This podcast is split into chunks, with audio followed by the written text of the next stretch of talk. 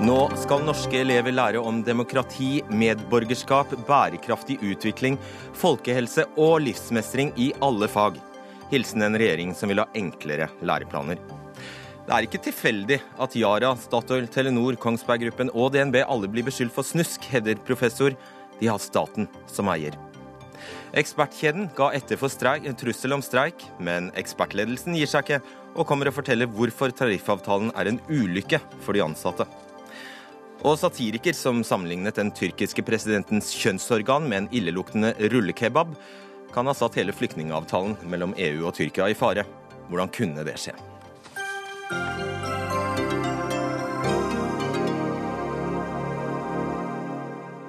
God kveld ønskes deg av Fredrik Solvang. Ja, først til det vi i Dagsnytt 18-redaksjonen lenge tenkte ikke var en debatt, siden det var nær sagt umulig å finne noe å diskutere. Men der tok vi feil. Både SV og Utdanningsforbundet klarte å hisse seg opp over den kommende stortingsmeldingen om skole fra kunnskapsminister Torbjørn Røe Isaksen. Meldingen har tittelen Fag, fordypning, forståelse. Altså noe som kunne vært en selvhjelpsbok for studenter. Men det er det ikke, kunnskapsminister Torbjørn Røe Isaksen fra Høyre. Det er det ikke. Det er en stortingsmelding om hvordan elevene skal lære mer. Samtidig som skolen fortsatt skal gjøre det den alltid har gjort, nemlig bidra til dannelse.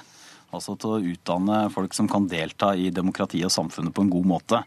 Og så vet jeg at man aldri skal kritisere programleder uh, uansett hvor man er med, men det var to feil i introduksjonen din. For det, det, er ikke sånn at det er nytt i skolen at man skal lære om f.eks. demokrati. Det har vært en selvfølgelig del av skolens oppdrag bestandig. Og det andre er at det er heller ikke sånn at dette blir noe som blir pålagt i alle fag. Det ville være ganske merkelig og rart.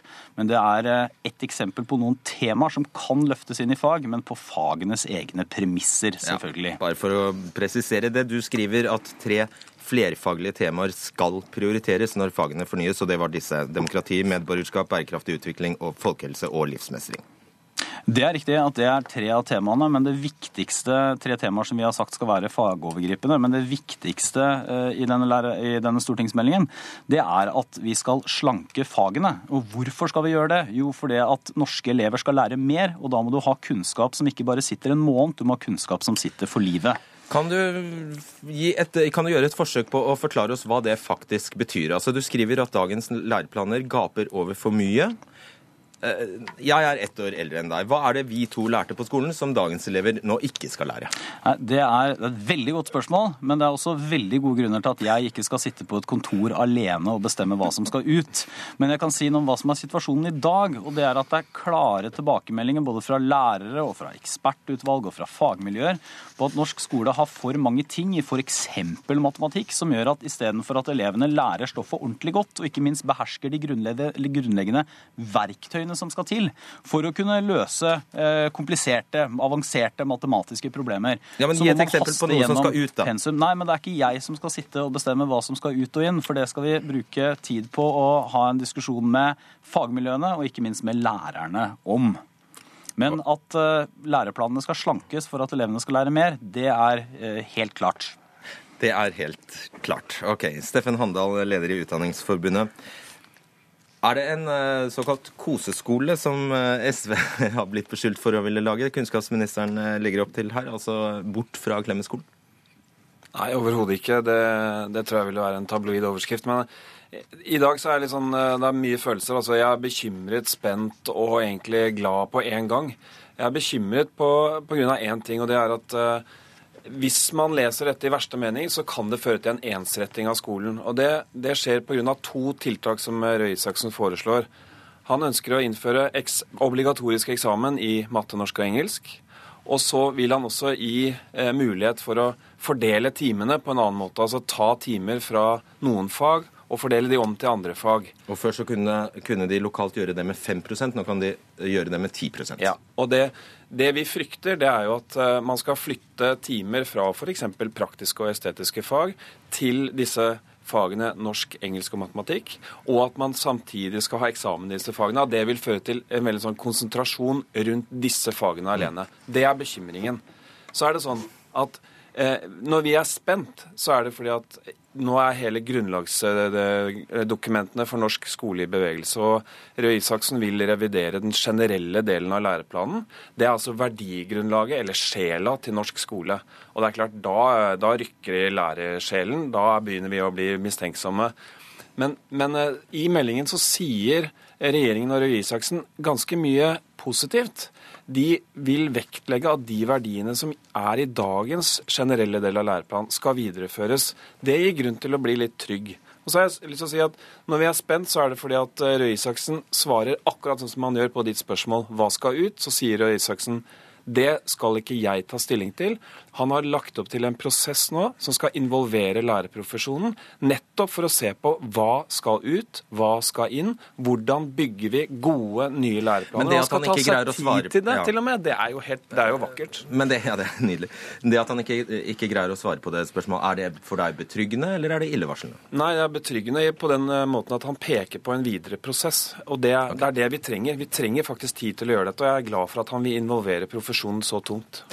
Audun Lysbakken, leder i SV, medlem i Stortingets utdanningskomité. Er det betryggende eller illevarslende for deg at han ikke klarer å peke på hva som skal ut? Altså, jeg, jeg, vil i uh, hovedsak si at uh, jeg syns det er betryggende. For jeg, ville synes det var ille hvis uh, kunnskapsministeren hadde laget seg den listen allerede. men det er klart at prosessen vi nå får rundt dette, og det at den er tillitvekkende, at den bygger på bredden i fagmiljøene og tar med ikke minst lærerne sjøl, er utrolig viktig. jeg har et grunnleggende positivt syn på det som har kommet i dag. Jeg mener at det Torbjørn Røe Isaksen har gjort i dag, er å ta et oppgjør med det smale kunnskapssynet som tidligere har dominert i Høyre, eh, og her lagt fram noe som bygger på en mye bredere forståelse av læring. Noe av, noe av det siste Kristin Halvorsen gjorde som, eh, som, statsråd, var jo å sette ned uh, det såkalte Ludvigsen-utvalget, som skulle gå grundig gjennom hva slags skole vi trenger i Norge for å møte morgendagens utfordringer. Mm. Og det vi har fått i dag, viser jo at det er virkelig en utredning som ikke har blitt lagt i skuffen. For her er veldig mye av den dybdelæringen og det bredere læringssynet som de anbefalte. Hvis jeg bare får lov til å si, altså du kan tenke deg at Hvis en SV-statsråd hadde lagt fram en plan der en sa at her skulle en ha en tverrfaglig satsing på demokrati, bærekraftig utvikling, folkehelse, livsmestring, mer praktisk-estetiske fag, da hadde jo Høyre stått og ropt de er ikke opptatt av kunnskap. Men nå er det Torbjørn Røe Isaksen som legger det fram, og jeg syns det er veldig bra. Koseskole hadde du sagt. Nei, jeg, jeg, hadde ikke, tror ikke jeg hadde sagt det. Men uh, bare overskriften på denne debatten burde være SV oppdager at egen karikatur av Høyres skolepolitikk ikke stemmer. Eh, også, og dette Undertittelen på, på, denne stortingsmeldingen er en eh, fornyelse av Kunnskapsløftet. Altså, dette bygger veldig klart og tydelig på både læreplanen og på det kunnskapspolitiske eh, paradigmeskiftet, for å bruke tabloid ord, som Kristin Clemet og Høyre sto for i regjering på begynnelsen av 2000-tallet. Og så er det punkt nummer to. Så blir jo jeg her da både angrepet for å ville styrke fagene norsk, matematikk og engelsk, og at det skal være, gå på bekostning av annet, og jeg blir beskyldt for å ville ha en koseskole. Dette er jo ganske gjenkjennelig høyrepolitikk på mange måter. Men ta det dette første først, da. Ja, ta, dette, ta dette med, ja. kan, kan, vi ikke bare sortere? Så? Bare ta det, altså Bekymringen når det gjelder det å uh, innføre obligatorisk eksamen for de tre fagene, engelsk, norsk og matematikk, er jo at da blir de tre fagene prioritert foran andre. Eh, jo, men dette er tre helt sentrale skolefag alle skolefag er viktige, men norsk, engelsk, matematikk er i dag helt sentrale skolefag. Problemet med eksamen er jo at elevene ikke vet på forhånd om de kommer opp i disse, eller hvilke fag de kommer opp i. Så vi mener at det vi foreslår, være mer oversiktlig for elevene. Dessuten så har vi også tro på at eksamen fungerer, ikke bare for å teste læring, men også fordi at du må jobbe ekstra med et fag for at du skal få en karakter og prestere på eksamen, og at du dermed også kanskje lærer mer av faget. Og du blir kvitt urettferdigheten som ligger i at det er helt tilfeldig om du kommer opp. Ja, jeg, jeg syns dette er et veldig interessant punkt. og Isolert sett så kunne dette med tre eksamener eh, være interessant. og Jeg tror lærerprofesjonen skal bruke tid på å diskutere om vi vil støtte det eller ikke. Men det er kombinasjonen når man løser opp for å flytte timer. Det er den, eh, den eh, kombinasjonen som er eh, skummel for oss. Jeg er ganske sikker på, og det tror jeg erfaringen har vist, Torbjørn, at eh, de fem prosentene de er brukt til å, eh, til å dytte timer fra de fagene som du ikke kanskje er så opptatt av nå, når du snakker om sentrale fag, inn i nettopp norsk, engelsk og matematikk. Og det, jeg, jeg er veldig glad for at du eh, før i dag understreket behovet for praktiske og estetiske fag. Og det, det er det, Noe av dette henger ikke helt sammen. Hvis du virkelig vil sørge for at vi får den nødvendige dytten mot de praktiske og estetiske fagene bl.a., så bør, det, bør du vurdere veldig veldig sterkt igjen, mener jeg, om fleksibilitet i årstimer er veien å gå. Men, men jeg tror, eh, altså for det første, så er jeg, jeg er veldig opptatt av de, det som man kaller for praktisk-estetiske fag. Jeg er opptatt av at det ikke er pustehullfag, det er ikke frikvarter for elevene. Det skal være like store faglige krav der, selv om de er annerledes enn f.eks. norsk matematikk. Men så mener jeg at det er et viktig argument også at den offentlige skolen og innenfor den offentlige skolen så må man også få lov til å foreta lokale prioriteringer, bygge en egen profil. Hvis man f.eks. har lyst til å da eh, styrke matematikkfaget, så må man få en mulighet til det. Hvis man har lyst til å styrke matematikk og kunst og håndverk og musikk, se det i sammenheng, så må man få en mulighet okay. til det. Så dette handler jo også litt om å overlate noe av makta som i dag ligger sentralt i Oslo, over til lokaldemokratiet. Det har vi skjønt. La oss høre hva Lysbakken syns om eh, eksamen i disse tre fagene. Nei, altså jeg, jeg, Vi skal vurdere det forslaget, men jeg er i utgangspunktet skeptisk til det. Jeg er også uh, veldig skeptisk til uh, denne 10 uh, på samme måte som Handal. Og Grunnen til det er at jeg frykter det vil motvirke det som burde nå være grunntanken med det som Røe Isaksen legger fram. Altså, Hvorfor er det vi skal gjøre noe med stofftrengselen i fagene? Hvorfor er det vi skal ha... Med hva for noe? Ja, altså Det at det er for mange ting som legges inn eh, i timene. For mange mål. ikke sant? Ja.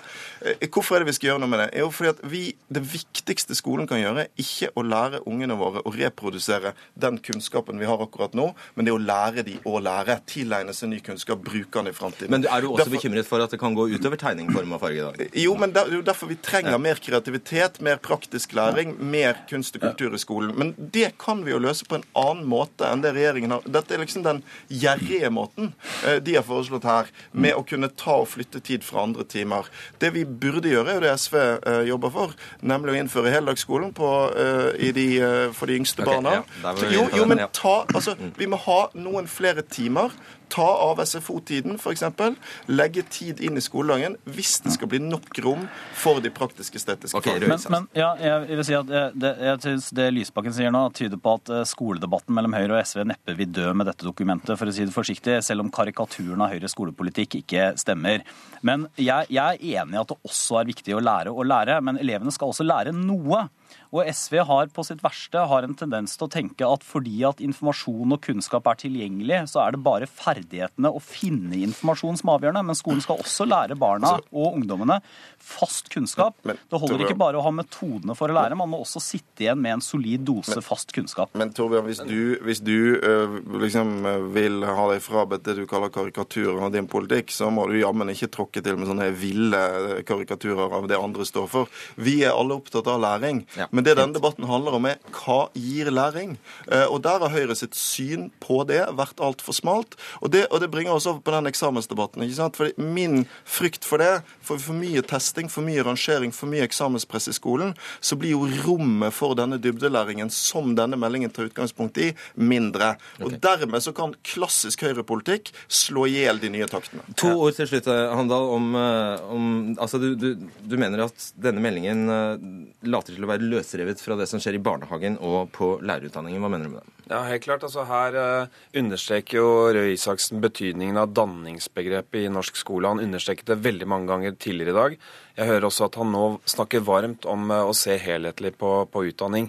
Det man gjør i barnehagen, det er jo å dreie barnehagepedagogikken inn mot språknorm og måling uh, også der. Mm. Det er en utvikling i feil retning, i motsatt retning av det vi opplever nå i, som en oppfølging av Ludvigsen-utvalget. Men det viktigste som skjer her, det er at man faktisk gjør det som lærerne har etterspurt i mange år. Man gir lærerne rom for å bruke mer tid på dybdelæring. Man skreller litt i fagene, og man involverer lærerprofesjonen. Hele dette prosjektet det står og faller på om lærerne også i fremtiden vil bli involvert, sånn som Røe Isaksen skisserer. Nå, når, skal dette, når skal du være i mål? Nei, dette går nettopp fordi at vi er opptatt av å ta med lærerne og fagmiljøene. Så kommer nok nye læreplaner til å ta minst eh, to-tre år å utvikle. Og så er jeg selvfølgelig uenig i det Steffen sier om barnehagen. Og bare for å si det, barnehagen, Leken er fortsatt det viktigste i barnehagen, men barna lærer veldig mye gjennom lek og gjennom systematisk arbeid i barnehagen. Ok, Da har vi tre år på å diskutere dette. Takk skal dere ha, Steffen Handal, Audun Lysbakken og Torbjørn Røe Isaksen. Dagsnytt 18 alle hverdager kl 18.00 på NRK P2 og NRK2. Hva har Yara, Statoil, Telenor, Hydro, Kongsberg Gruppen og DNB til felles? Jo, nettopp det at staten er medeier i selskapene, og at selskapene nå er beskyldt for å ha begått lovbrudd eller å ha drevet uetisk. Og senest eh, nå med avsløringen av DNBs rolle i pengeplasseringen i utenlandske skatteparadis, som ble avslørt i Panama-dokumentene. Og nå møter altså regjeringen kritikk fra professorer for sin håndtering av denne saken. Jeg skal prøve å eh, dele det litt opp her. Det er to mot én. Vi starter med deg, eh, Beate Sjåfjell, professor i juss ved Universitetet i Oslo. I Aftenposten i dag skriver du om hvordan firmaet eh, PricewaterhouseCooper på begge, sitter på begge sider av bordet eh, i denne saken. Både som utreder for regjeringen og som rådgiver for selskaper som faktisk vil spare penger. Eh, les driver med skatteplanlegging og den som kanskje er her. Hva er problemet med det? Ja, nå må jeg først si at Det var ikke spesielt PricewaterhouseCoopers som advokatfirma her i Norge som jeg identifiserte som den som sitter på alle sider av bordet, ikke bare på to sider av bordet. Men uh, dette konsulentmiljøet eller konsulentnettverkene generelt, uh, som, som uh, vi, vi, har sett i en rekke saker, både kan være med på å hjelpe til å berede grunn for, for lovgivning, eller som McKinsey har gjort for eierskapsmeldingen, hjelpe til med å å utrede eh, hva som skal inn i eierskapsmeldingen, og som vi har sett gjennom Panama Papers og i en rekke andre eh, sammenhenger også, at de er med på å tilrettelegge for disse strukturene som, eh, som, har blitt avslørt som veldig problematiske gjennom Panama Papers. Og så til slutt nå blir det altså da bedt av Næringsdepartementet å undersøke om de statskontrollerte selskapene følger opp eh, dette med samfunnsansvar eh, godt nok, og om statens aksjeeierskapspolitikk fungerer godt nok. Og Det, det, det syns jeg er problematisk, fordi at når man er så dypt integrert i et system som åpenbart ikke fungerer, så mener jeg at man har ikke den nødvendige oversikten for å se hva som bør endres. Og Da skal jeg selvfølgelig ile til og si at Price Waterhouse Cooper ikke hadde anledning til å stille her. Uh, ja, uh, Den som skal få svare på dette, er deg, Gunnar Gundersen, stortingsrepresentant for uh, Høyre.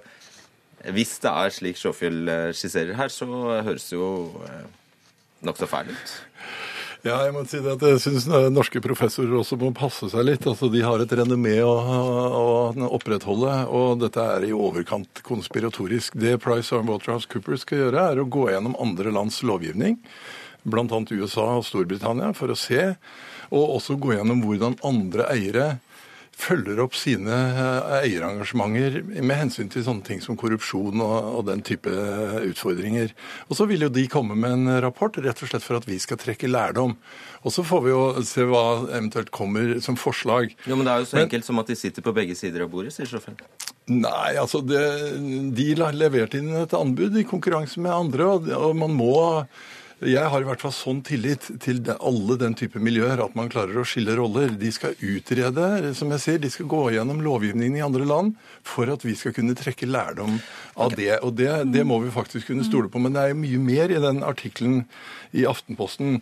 For det, her trekker jo Sjåfjell opp en helt annet grunnlag for det statlige eierskapet enn det et samlet storting har vedtatt gjennom statens eierskapsprinsipper.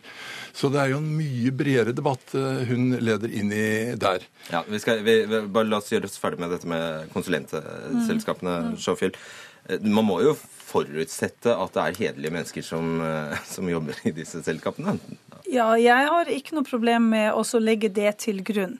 Eh, og så er det viktig at vi skiller her mellom mikroperspektivet og makroperspektivet. Og når det, legger, når det, gjelder hva slags mandat PwC her har fått, så har jeg tatt utgangspunkt i Næringsdepartementets egen pressemelding om det.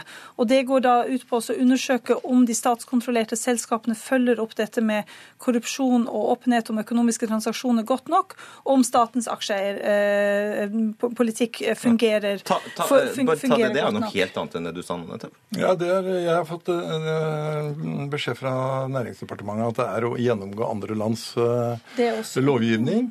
Og, og også hvordan andre eiere i andre land følger opp eh, med hensyn til korrupsjon, og med, rett og slett med utgangspunkt i at vi skal trekke lærdom. Det er jo ikke sånn at PricewaterhouseCoopers eller noen annen konsulentmiljøer sitter og kommer med lovforslag til det norske storting.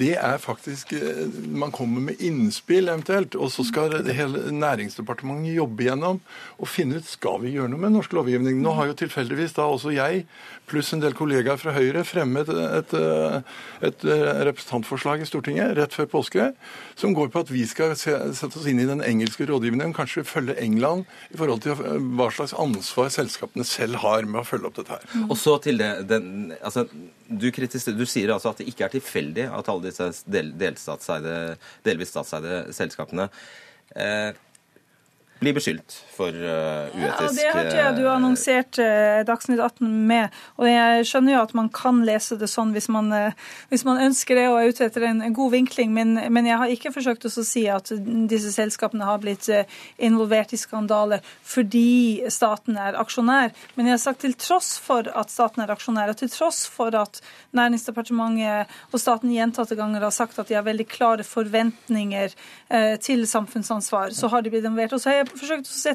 hva er det som har gått galt. Og så har jeg lest eierskapsmeldingen veldig grundig. Og, og da ble jeg faktisk slått av hvor eh, hvor inneklemt dette med eh, samfunnsansvarsforventningene er, og hvor klart det understrekes gang på gang at, um, at, mål, at hovedsiktemålet er maksimal avkastning. Det, det sies veldig klart gjentatte ganger i, i eh, eierskapsmeldingen. Og da er det faktisk litt lettere å forstå eh, at det er eh, vanskelig å få øye på disse klare forventningene Men- som, som staten Men da er vi inne på har. den kronikken, og, og her kommer jo professor Sjåfjell med en rekke påstander som jeg, jeg kan rett og slett ikke skjønne at hun kan ha lest eierskapsmeldingen. For det første så sier hun at statens mislykkede aksjeeierskap, det er overskriften.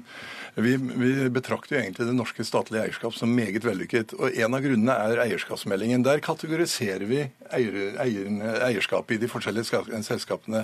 Staten eier masse selskaper hvor det ikke er lønnsomhet som er mål. Det er helseforetak, det er vinmonopol. Men da har vi det i en, kategori som sier det, at det er helt andre samfunnsmessige målsetninger. Så kommer du til disse selskapene. Her sitter vi ikke som eneiere. I alle de selskapene vi nå diskuterer, så sitter vi ikke som eneeiere. Ergo har vi en aksjelov å forholde oss til. Vi skal likebehandle eiere.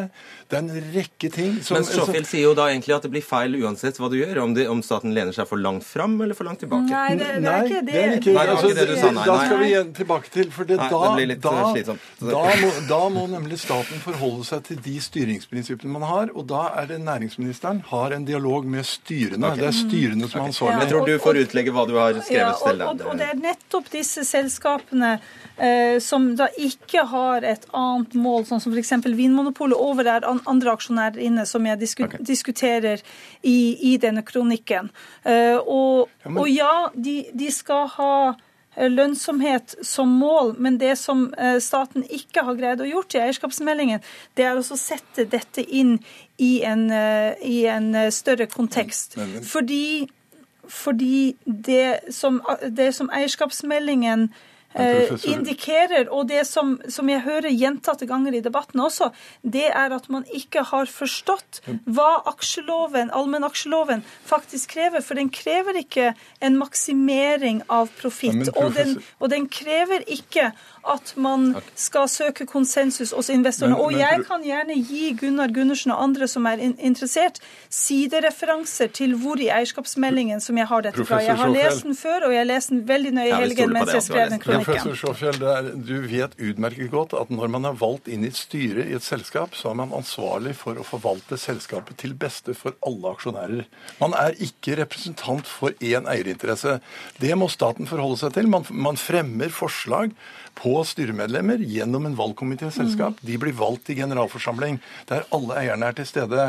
Og når du sier at eh, statens representanter skal fremme statens interesser, så er det Nei, direkte det- brudd på aksjeloven. Ja, men det er jo ikke det jeg Det er har sagt heller. Det- Jo, da har står, ikke du lest står, kronikken Jo da, det står ganske klart. Men, og, og, og her har vi en Altså, vi har um, et, et fundamentalt forhold til hvordan vi oppfører oss Mm. som statlige eiere når vi har med oss andre eiere. Hvis vi eh, Og, og hvert selskap i Norge har selvfølgelig utviklingen av selskapets beste som mål, men under forutsetning at man holder lover.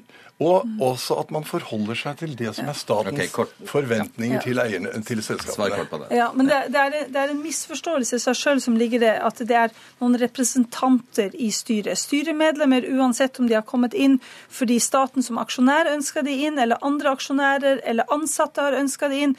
Eh, Styremedlemmene de er ikke representanter for noen interesser. De er der for å forvalte selskapets interesse. Og så har selskapet en økonomisk interesse i kjernen som aksjonærens interesse er avleda fra. Og der er det helt grunnleggende eh, ting som, som er veldig lett å forstå at eh, Statens eierskapsavdeling og, Gunnar Gundersen eh, har, har eh, blitt, gått seg litt vill i, fordi Men vi har jo nulltoleranse for korrupsjon, f.eks. Det, er er et klart krav til selskapene. Vi må ha inn deg, Jan Kjetil Arnulf. Du er professor ved, ins- ved BI, altså Handelshøyskolen BI, Institutt for ledelse og organisasjon. Og du mener at regjeringen bør ta stilling til, eh, til eh, DNB-sjefens eh, fremtid. Hvorfor det? Jo, Det framgår veldig tydelig av den interessante diskusjonen vi hører nå. Fordi Vi kan begynne med én ting. Det som jeg er blitt ringt opp og spurt om ofte i det siste, er visste han? Hvor mye visste han? Så tenker jeg, Med den lønnen og det ansvaret så er det egentlig helt likegyldig hva han visste, for at han har ansvaret for det. Han, han kan ikke vite hva som skjer inni der. Så Det er en akademisk diskusjon, eller en teknisk diskusjon. Det er for så vidt uinteressant. Det spørsmålet er selvfølgelig, som det blir sagt her, det er nulltoleranse for korrupsjon, så har han gjort noe gærent. Ja, så langt så har han ikke gjort noe gærent. Fortsatt så vil alle ta han, og næringsministeren er ute og stiller vanskelige spørsmål. Og så kommer jo spørsmålet hva vil de ta han for? Og Da er det jo bare én ting igjen å ta han for, og det er at han har gjort noe som ikke er i styrets eller altså eiernes interesse. En av de store eierne her er jo staten, altså, eller nåværende regjering. Og Da blir det som det blir sagt her, det blir jo et spørsmål, da. Har han hvis han ikke har gjort noe gærent, så har han jo bare gjort det som alle andre banker kan gjøre. Det må jo si at hvis, hvis de ønsker å ta han, eller hvis de ønsker å lete etter at han har gjort noe gærent, så må han jo ha gjort noe grunnleggende annet enn alle andre bankdirektører i Norge har gjort. da. Og jeg tenker som det blir sagt her, han har, han har gjort han har antagelig da, uheldig eller uheldig, han har gjort noe som er mulig innenfor de rammene han har. Blir, så- ja.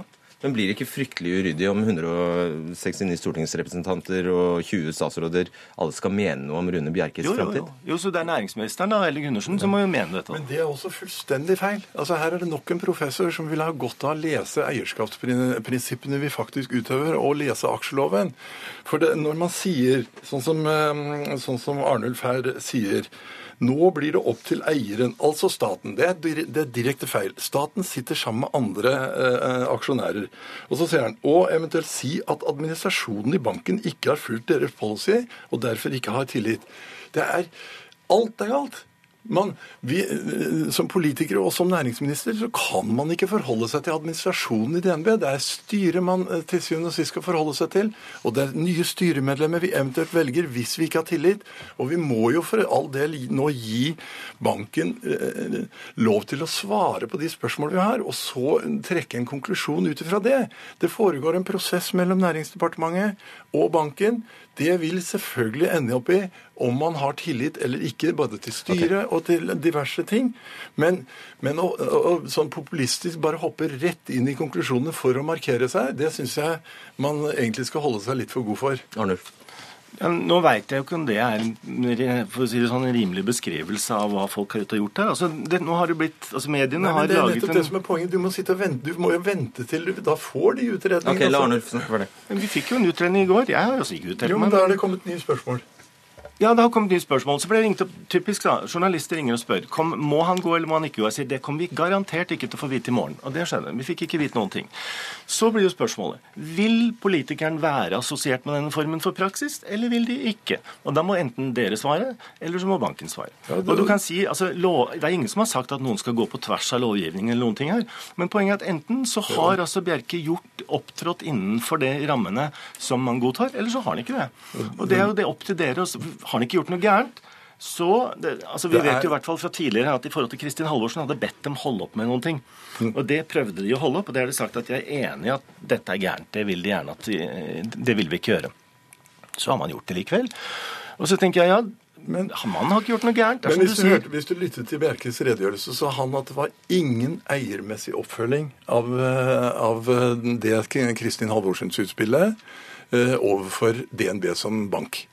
Ergo eh, har da næringsministeren den gang gjort jobben sin. Det, det vil jo bli kartlagt nå framover. framover. okay. Men, eh, men det er også andre ting som blir sagt her. Altså, man, eh, professoren her knytter jo dette her opp imot at politikerne sitter med poli Ja, det det til. økonomiske Nettopp, ja. interesser. Det er enda verre. Ja, for det, du, du, altså du, du antyder altså at grunnen til at politikerne og næringsministeren, for den saks inkludert næringsministeren, ikke er tydeligere i dette spørsmålet, er at eh, de selv sitter eh, De råder over store nettverk, og dette er personer, toppolitikere, som ofte er personer som selv eier kapital. Ja. Hva er det du For det første så, eh, Det er litt fornøyelig da, å se både de to siste sakene som kom i, i, i denne saken. Da. Det har altså statsministeren på Island og statsministeren i Storbritannia. Ja, men vi er i Norge nå. Vi er i Norge nå, altså. Og her er Ja, ting men- selvfølgelig veldig forskjellig, det skjønner vi jo. Men, altså, um, men, men saken er jo den at eh, disse, som vi hørte av den foregående diskusjonen, så er altså skatterett og internasjonal skatterett og internasjonale kapitalbevegelser er fryktelig vanskelig. Grunnleggende sett så er skatteplanlegging ikke ulovlig. Det vil si at alle, Enkeltpersoner og bedrifter må kunne drive skatteplanlegging. Det er en vesentlig del av politikernes styring av samfunnet. Og så kommer spørsmålet da. Um, hvem skjønner og kan legge press på politikerne om hvordan Det er dette skal det du sier. Ja, du kobler direkte at næringsministeren har en interesse, en, en, en økonomisk interesse i å ikke få fram informasjon der. og det- toppolitikere jeg synes det er hår- personer som eier Det er en hårreisende beskyldning overfor norsk politiker, som jo, er trist som jo i Stortingets register har den mest åpne, den største, den, en full åpenhet rundt alle sine Ja. økonomiske engasjementer. Ja, ja. Det, var, det er litt sånn fristende hvis vi først skal være retoriske, høre om du føler deg litt truffet. Men altså, ehm, saken er jo den at for det første har ikke jeg verken beskyldt næringsministeren eller deg eller noen andre. Men jeg har sagt er f.eks. at det er ganske store politiske forskjeller i Norge og alle andre steder i hva slags skatteregime man ønsker. Sånn at den måten man beveger kapital på, den er i bunn og grunn vedtatt, eller i hvert fall akseptert av visse politikere. Ikke sant? Og folk flest da, de skjønner jo lite av denne debatten. Folk er opprørt, men skjønner ikke helt hvor problemet ligger. Og En av grunnene til det er selvfølgelig at det kan man fort da fortape i detaljspørsmål om styrets og administrasjonens rettigheter og plikter. Men saken er ganske enkel, den. Hvis han ikke har gjort noe gærent, så har han gjort noe riktig. Ja, men det, du noe... sier, det du sier, egner seg jo for politietterforskning.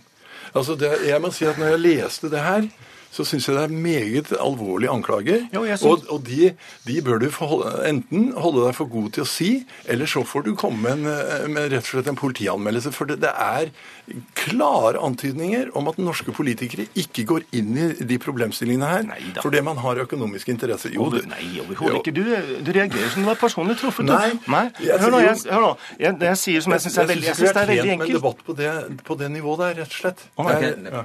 Ja, bare si det du skulle si, så skal vi avslutte med sjokken. Altså, Ingen har anklaget noen personer for noe som helst, men vi har sett hvilke dynamikker denne debatten har dratt opp. Og jeg tenker jo virkelig egentlig Skal jeg være på din side, vil jeg si legg dette foreløpig dødt, og vent lenge til, vi skjønner mer av hva som har foregått. Så kan vi lære mer av det, og det er helt sikkert fint. Men hvis man først lurer på, som mange tydeligvis lurer på, når bør en administrerende direktør gå? Bør han gå fordi han ikke har visst det, f.eks.? Det er ikke noe argument.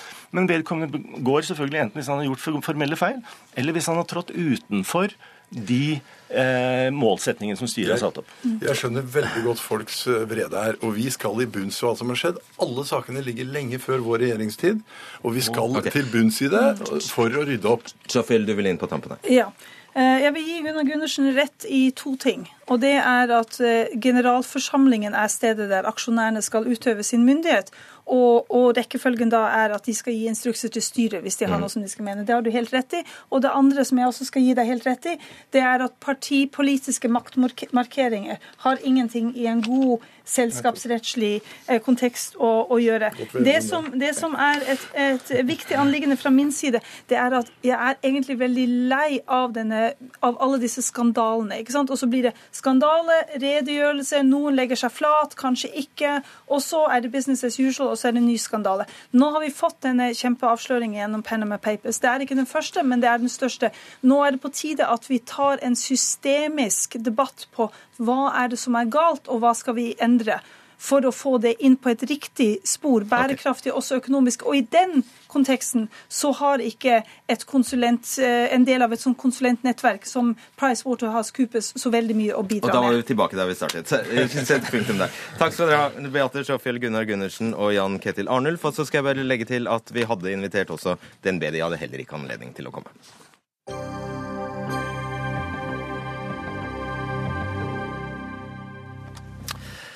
Etter bare to dager med megling ga ekspertkjeden etter. Handel og kontor vant fram, og dermed blir det tariffavtale for de, 23, for de ansatte i 23 butikker. Og dermed blir det heller ikke noe av ekspertledelsens planer om å kutte i ulempetilleggene for å bruke pengene på bonuser. En viktig seier for det organiserte og seriøse arbeidslivet, jubler LO-forbundet Handel og Kontor, som ikke ville komme til Dagsnytt 18. Derfor er du her forholdsvis alene, Morten Hovland, HR-leder i Ekspert, hvis vi ser bort fra hun som sitter ved siden av det. Det er uarbeid, jeg mente ikke det, men uh, du er her alene som part i denne saken, mener jeg. Ja. Handel og Kontor er altså truet med streik fra fredag, og ja. det var da du sa at nok er nok, eller? Ja, vi, vi har jo tapt i, i dag, og, og, det beklager vi. Og, og vi, vi er jo lei oss for det. Det er vi. Først og fremst på vegne av alle ansatte som ville ha en avtale. Eh, men eh, med de eh, skal vi si, sanksjoner som handel og kontor kan komme i form av streik og boikott. Og sympatistreik. Og sympatistreiker. så tør vi rett og slett ikke å gjøre det mot våre ansatte lokalt. Du har tapt, sier du, men likevel fortsetter du å polemisere. Du har skrevet en kronikk i VG bl.a. Du vet at det er litt dårlig stil? Nja, det, det, handler egentlig mer om å få fram vår historie, uh, som går på at vi ønsker jo egentlig bare at uh, våre ansatte lokalt skal få lov til å velge hvilken avtale de selv ønsker. Og selv altså Handel og Kontor sine egne medlemmer har da også valgt dette her, og valgt da vår avtale. Eh, noe de ikke da får lov til av den organisasjonen de er medlem av. Og har... Det syns vi er rart, og det er det vi ikke skjønner. Ja, F.eks. hevder du at dere har en butikk hvor kun én ansatt er medlem av Handel og Kontor, ja. og dette ene medlemmet gjerne vil ha en, en, lønnsavtale i stedet for den gamle tariffavtalen. Men da hevder du at Handel og Kontor nekter også dette. Det er helt korrekt. Og det er nettopp det vi ikke forstår. Kall oss gjerne naive, kall oss gjerne dumme, men vi forstår bare ikke det. Selv om vi har også sagt til Handel og Kontor dere kan få være med i avstemningen, dere kan få være med å påvirke dette her så mye dere vil. Men det går ikke. Det er det som er spørsmålet som henger. Ja, og du sier altså at denne saken reiser flere viktige, store spørsmål, som f.eks.? Ja, det er jo valgmulighetene da, som man eh, bør ha. Eh, skal liksom én eh, part bare få lov til å, å, kjøre sitt, eller skal det være mulighet for å velge? Igjen, det er, nøyaktig, det er kun det vi ønsker å stå for. Eh, Tariffavtalekravet omfattet 446 ansatte i altså 23 av de 61 egeneide butikkene. Hva skjer da med de hva blir det, 38 resterende butikkene? Hva skjer der? Uh, våre butikker som ikke har hatt tariffavtale, uh, de 40 andre butikkene, de fortsetter som før uten tariffavtale. Mm. Med ekspert sin lønnsavtale. Så har vi i hvert fall fra Handel og Kontor hørt at de har fått en stor medlemsøkning? De har fått noen flere medlemmer, ja. På lik linje som også at det har vært noen utmeldinger, tror jeg. Mm. Hva skjer om Nå har de om lag 200 medlemmer hos deg. Hva skjer om alle de krever avtale? Da får de det. Selvfølgelig så skal de få den tariffavtalen. Og det er det som er hele vår mening med det. De skal få velge. Og så har du, du har blitt sitert på at uh, vi mener den norske modellen ikke er tilpasset elektrobransjen. Ja. Uh, og med det mener du? Nei, det, Med det så mener jeg at vi er faktisk den eneste i vår bransje som har hatt én tariffavtale på dette nivået. Det vi ønsker, det er jo å la våre ansatte lokalt få lov å velge om de vil ha den, bransjen, den avtalen som bransjen har, dvs. Si den avtalen vi har, eller en tariffavtale. Det er valget. Ja, Du er klar over at absolutt alle norske arbeidsgivere kunne ha sagt det samme? Det er godt mulig. Det klarer jeg ikke å stå inne for hva alle vil si. Hva syns du om den norske modellen? Jeg syns at det skal være et større valg. Og så er jeg litt uh, uenig om at uh, de kom At det, det eneste Syns du den norske modellen er bra? Jeg syns den norske modellen er bra. Men når riset kun er at man kan uh, true med streik og boikott, det syns jeg er litt dumt. Ja, Men det ligger jo innebakt i den norske modellen. Det er jeg klar over. Kristine Nergård, forsker ved Fafo, representerer ikke handel og kontor, skal jo understreke det. Men er dette en klassisk seier for arbeidstakersiden, det vi har sett her? Ja, det tror jeg. Jeg tror det hadde vært et uh, bittert tap for handel og kontor hvis man hadde tapt denne saken her, fordi du kunne da risikere at også flere bedrifter valgte å følge ekspert ut av virket og kan du si ut av tariffavtalen. Ja. La oss bare forklare det, for det var det altså som skjedde her. Dere gjorde noe såpass ukonvensjonelt, eller meget sjelden var det, at, å melde dere ut av hovedorganisasjonen Virke og stå alene, og dermed kunne dere si opp tariffavtalen. Det var det som skjedde. Ja. Uh, Nergård, hvorfor kan ikke det er et ganske enkelt, enkelt spørsmål, hvorfor kan ikke flertallet av handel- og kontormedlemmene i Eller hvorfor kan ikke alle få bestemme selv? Altså det, det, er vel Noe av utfordringa her er jo at liksom disse Tariffavtalene bygger jo på et utgangspunkt at det er ikke like maktforhold i arbeidslivet. Og det å stå sammen, det å ha en tariffavtale, og særlig det å ha en tariffavtale på sentralt nivå, har bidratt til å styrke fagbevegelsens eh, innflytelse i arbeidslivet. Og kanskje da særlig i bransjer hvor det er lav organisasjonsgrad, hvor det er mange unge arbeidstakere, hvor det er eh, høy turnover osv.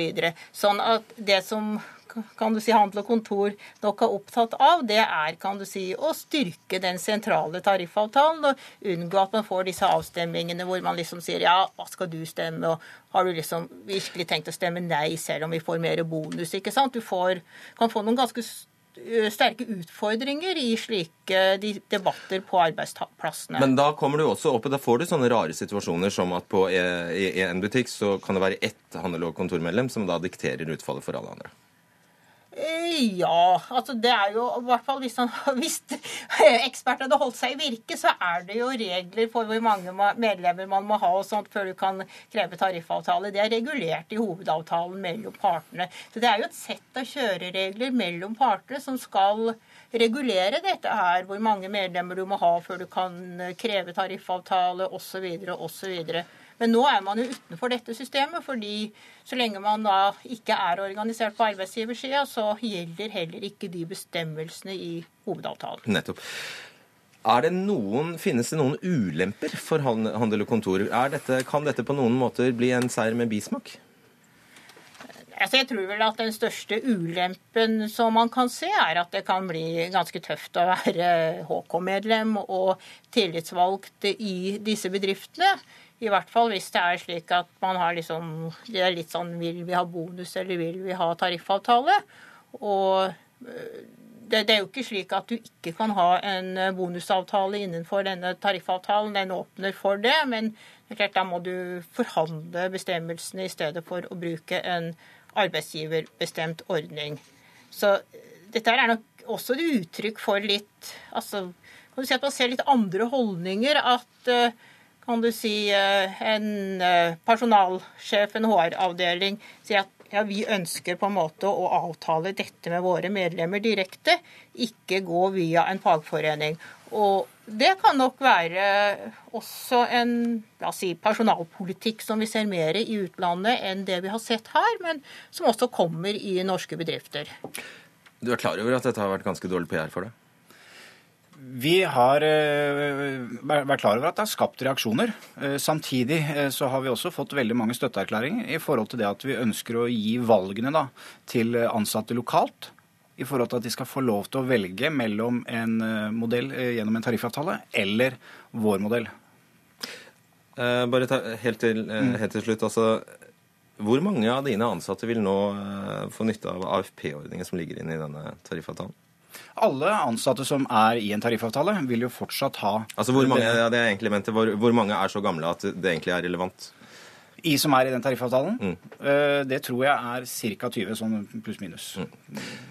Eh, kan det være noe i det at det, det, dette er rettigheter altså rettigheter som kanskje ikke nødvendigvis er veldig relevante? altså AFP f.eks. Ulempetillegg. La oss si at en ung eh, student som jobber i, ekspert, i en ekspertbutikk, har ville foretrukket å få bonus foran 20 kroner i ulempetillegg på, på torsdag kveld? Det kan godt hende, men så gjelder jo dette her en landsdekkende tariffavtale. Og det er ganske mange unge studenter som jobber i bedrifter hvor bonus i det hele tatt ikke er på tale. Og det er jo det som er litt av utfordringa for ja, f.eks. Handel og Kontor, da, at de har ganske mange medlemmer i dagligvarehandelen hvor det å på en måte Du får ikke bonus for å selge mjølk. Nettopp. Vi sier uh, tusen takk til dere. Morten Hovland og Kristine Nergård.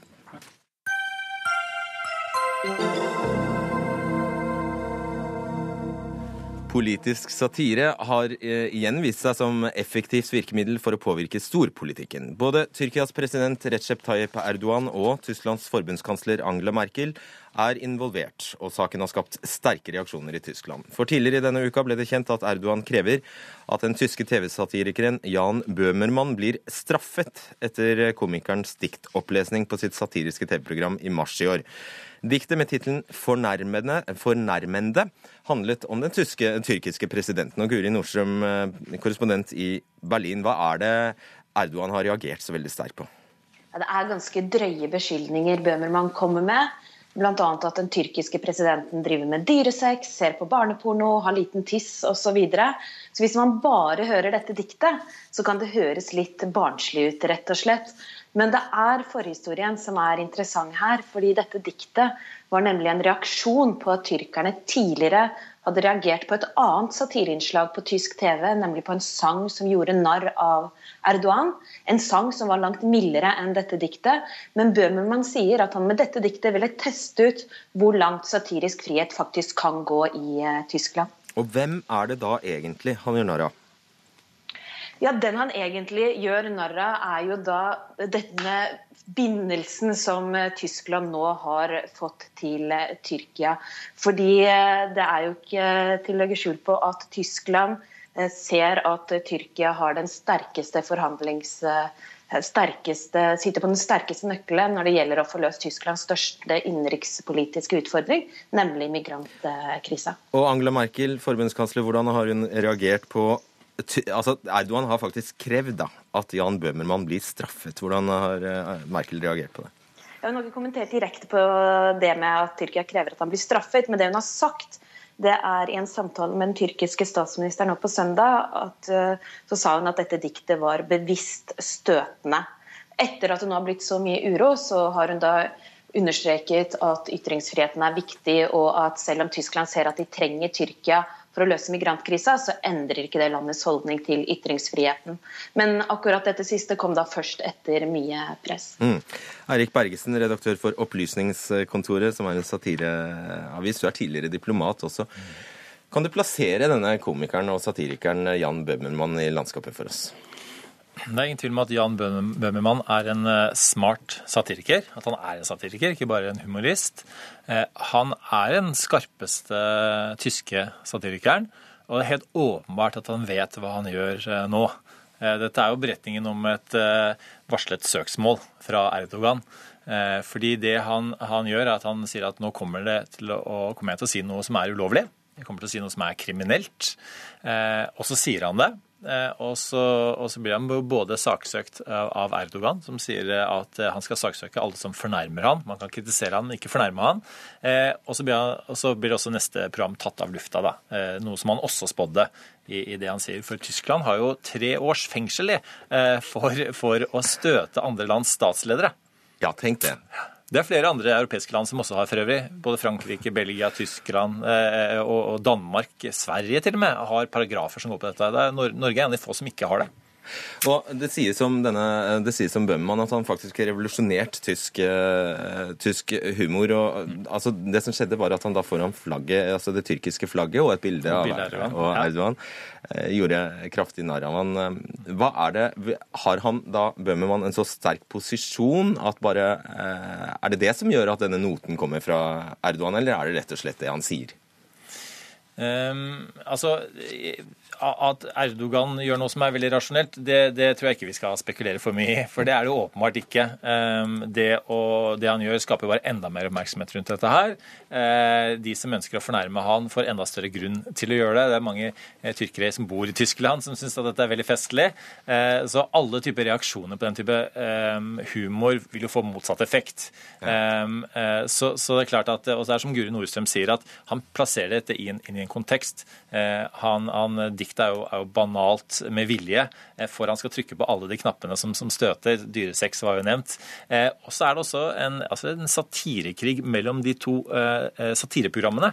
Det skal vi ikke glemme. Den første sangen eh, om Erdogan som, som Bøhmermann mente var, var, var, banal og enkel og tullete. Så han ønsket å, på en måte, eh, å gjøre noe som var enda mer kontroversielt. Og Nordstrøm, dette tar jo av fordi, som du, som du påpekte tidligere her, Tyskland, Europa har gjort seg avhengig av dette stadig mer autoritære landet.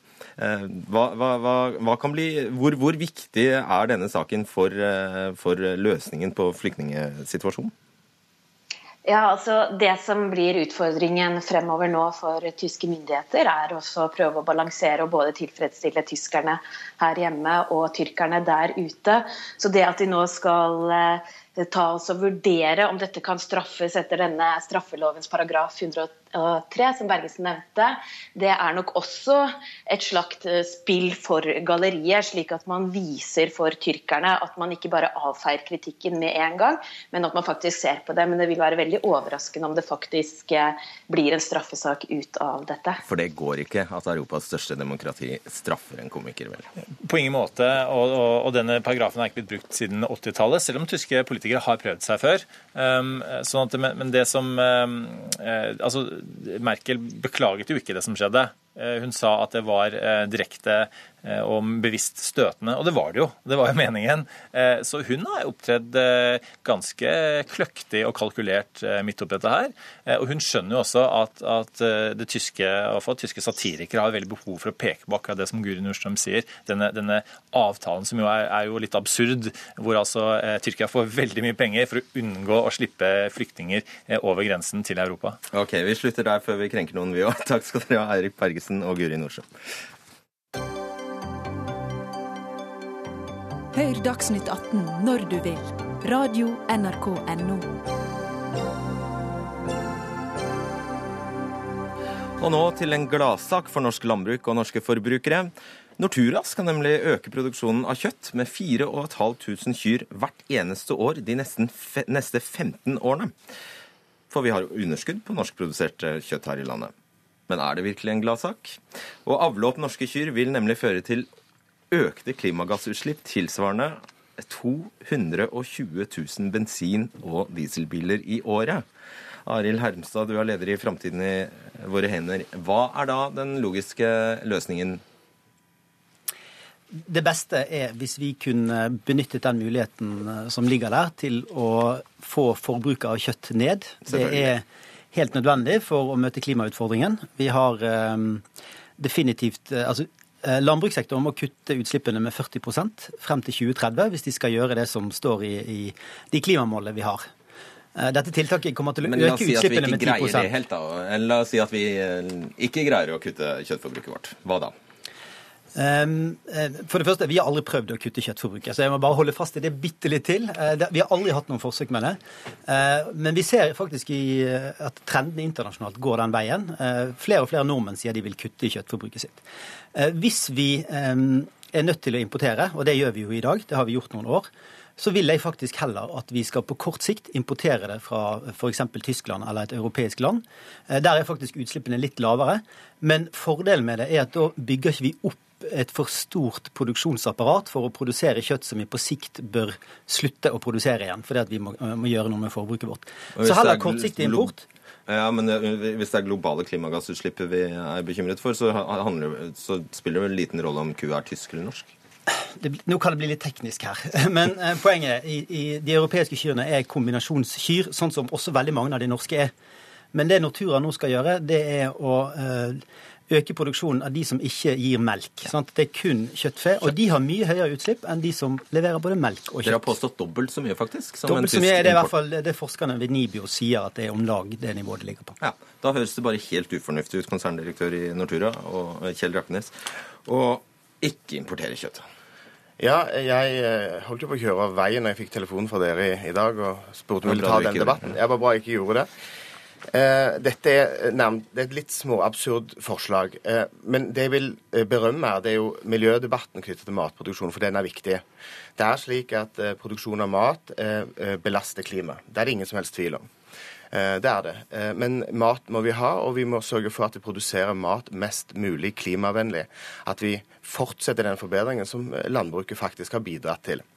Når det kommer til selve argumentet om at man ønsker å eh, importere kjøtt istedenfor å produsere det her hjemme, så faller det på sin egen urimelighet. FNs statistikker viser veldig tydelig at det norske kjøttet slipper ut mindre CO2-gasser enn det, det utenlandske. Ganske mye endog. Og så er Så det er, ok, ok, La oss bare ta det. Du, du farer med ja, usannheter.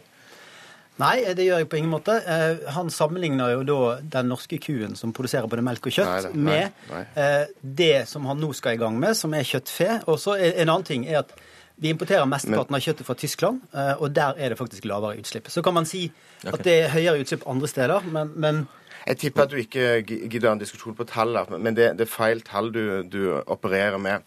Eh, ei ku er ei ku i Norge og i Tyskland. Eh, De kyrne vi importerer, det kjøttet vi importerer fra Tyskland, fra Afrika, fra Syd-Amerika, er ammekyr også det. Det er ikke Og ammekyr er altså kyr som ikke lager melk. Ja. Men den gressbaserte kjøttproduksjonen som da ammekuproduksjonen er, har veldig mange andre positive sider ved seg, også for klimaet. Nei, har, du, har du ikke fått med deg at vi, skal, at vi bør spise mindre kjøtt? Jo, eh, absolutt. Og vi spiser vel omtrent det vi skal spise ifølge kostholdsrådene i Norge i dag. Det er en debatt om at man ønsker å kutte kjøttforbruket. Den debatten syns jeg er viktig å ta og viktig å diskutere og få alle nyansene i. Men når det gjelder klimaspørsmålet, så faller det på sin, helt sin egen urimelighet. I tillegg så- Fordi du har andre tall enn han, da.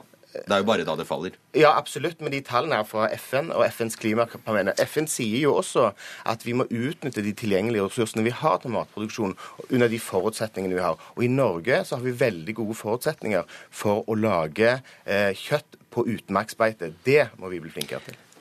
Det bare for å ta helseargumentet først. Eh, Det er et makstak som er satt på 500 gram eh, rødt kjøtt i uken. Eh, Norske menn spiser langt mer enn det, så alle vi tre som sitter her, hvis vi er gjennomsnittlige menn, så bør vi spise mindre kjøtt. Og Det betyr jo ikke at noen andre bør spise mer. Altså, Det har ingenting for seg helsemessig. Sånn at det, det er i hvert fall Helsedirektoratet er tydelig på. Mindre rødt kjøtt det er et ønske i den norske befolkningen. På samme måte som mindre salt. Når det gjelder um, akkurat når vi skal importere ett kilo kjøtt fra Tyskland, så blir det en import på ett kilo. Hvis vi skal lage den samme, det samme kiloet med kjøtt her i Norge, så må vi importere to kilo med kraftfôr. Deriblant en god del soya. Og det gjelder, akkurat, det gjelder også det kjøttfeet som du skal produsere. For det er, ikke, det er ikke sånn at dere har tenkt å utnytte beitearealer i Norge for Nei, å alle vet produsere at de disse kyrne her. spiser brasiliansk soya eller hva det nå er. Nei, Ja. det gjør de ikke. Disse ammekyrne som dette heter, og dette er jo et, et faktum, de spiser minimum 90% gress. Norsk gress. Norsk gress. Disse kyrne her. De spiser minimum 90% gress, ammekyrne. Det er et faktum. Det er, også- det er helt absurd, denne diskusjonen knyttet til klima, at et kortreist, norskprodusert kjøtt skal forurense mindre, mer, enn eh, eksoskjøtt fra Argentina eller fra Tyskland eller fra Spania. Det er, det er tullete. Det, det, det, det, I tillegg så har vi helsedimensjonen med Men, kjøtt men jeg syns du skal men- ta den debatten med Nibio, og så syns jeg kanskje at landbruket og Natura bør ha et godt tallgrunnlag når man diskuterer disse tingene. For når du sitter og påstår 90% så er det Det stemmer ikke med de tallene som gjelder for norsk eh, Nei, nå har han sagt det, så kan vi sjekke det. Det syns jeg vi skal gjøre, Så ja. dette kan vi helt fint sjekke. Og poenget er at vi hvis vi ønsker å bidra til mer mat i verden, eh, mer, eh, eh, at det skal være mulig på globalt nivå, så bør vi kutte kjøttforbruket. Det er definitivt det mest attraktive vi kan gjøre. Vi øker den norske selvforsyningen. eh, Og vi får et mer bærekraftig kosthold. Vi får bedre helse. Da har du et halvt minutt på det. En annen dimensjon ved dette her, det er at kjøttet som importeres, det eh, står på såkalte feedlots, eh, hvor de eh, intensivt am- eh, fôres opp med, med kraftfôr og ofte veksthormoner. Eh, eh, Mens norske kuer har det tipp topp. Gjør, vi gjør ikke det i Norge. Det er ikke lov å gjøre i Norge. Eh, slik at de, Den problemstillingen har vi ikke. Omega-6 og omega-3-relasjonen i disse grasfòra-dyrene er noe helt annet enn det vi har eh, av det vi importerer. Så jeg, jeg tror at tallene kan vi saktens okay. diskutere. Og dobbeltsjekke. Kan vi ikke bare spise fisk? Det kan vi. Og annen vegetarisk mat. Takk, Kjetil Røkkenes og Arild Hermstad. Denne Dagsnytt 18-sendingen er over. Det var Dag Dørum som var vaktsjef. Teknisk ansvarlig var Erik Sandbråten, og jeg heter Fredrik Solvang. God kveld.